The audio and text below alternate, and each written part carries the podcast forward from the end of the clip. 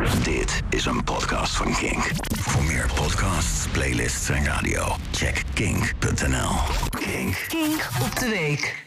Elf jaar geleden stond, stond ik op een koud Leidseplein te schreeuwen. Daar staan wel vaker mensen te schreeuwen. Meestal dronken Britse toeristen die te veel hebben gedronken. Of nog niet genoeg.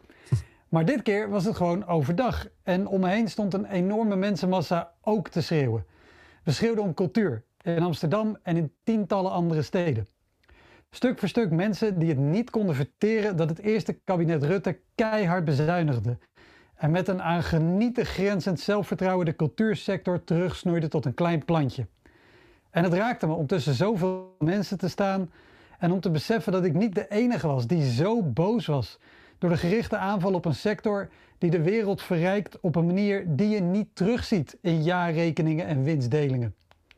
En ik begrijp niet goed wat de VVD tegen cultuur heeft. Als er nou toch één partij is die bijvoorbeeld houdt van toneelspelen, dan is het de VVD.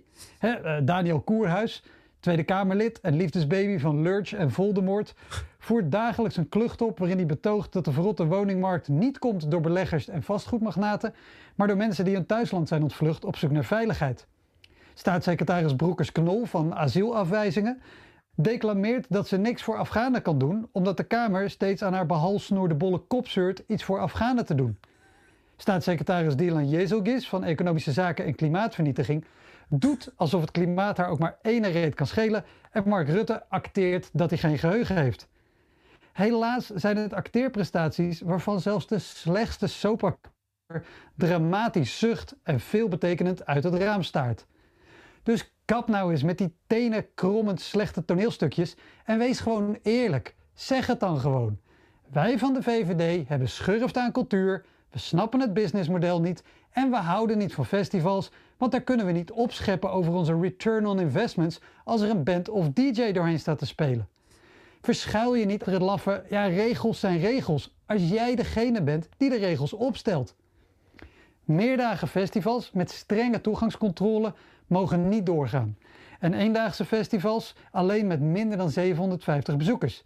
Ja, dat zijn nu eenmaal de regels, aldus Mark Rutte.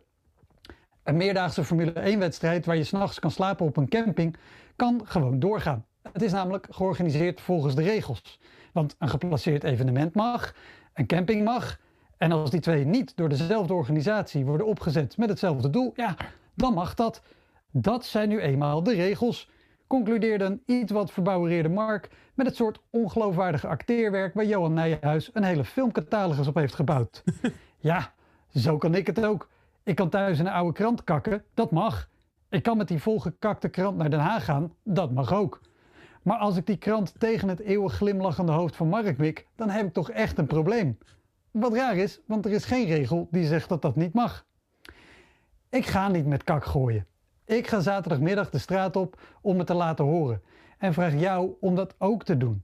Niet om sportwedstrijden te laten stoppen, maar om cultuur eindelijk weer door te laten gaan en om te laten zien met hoeveel we zijn.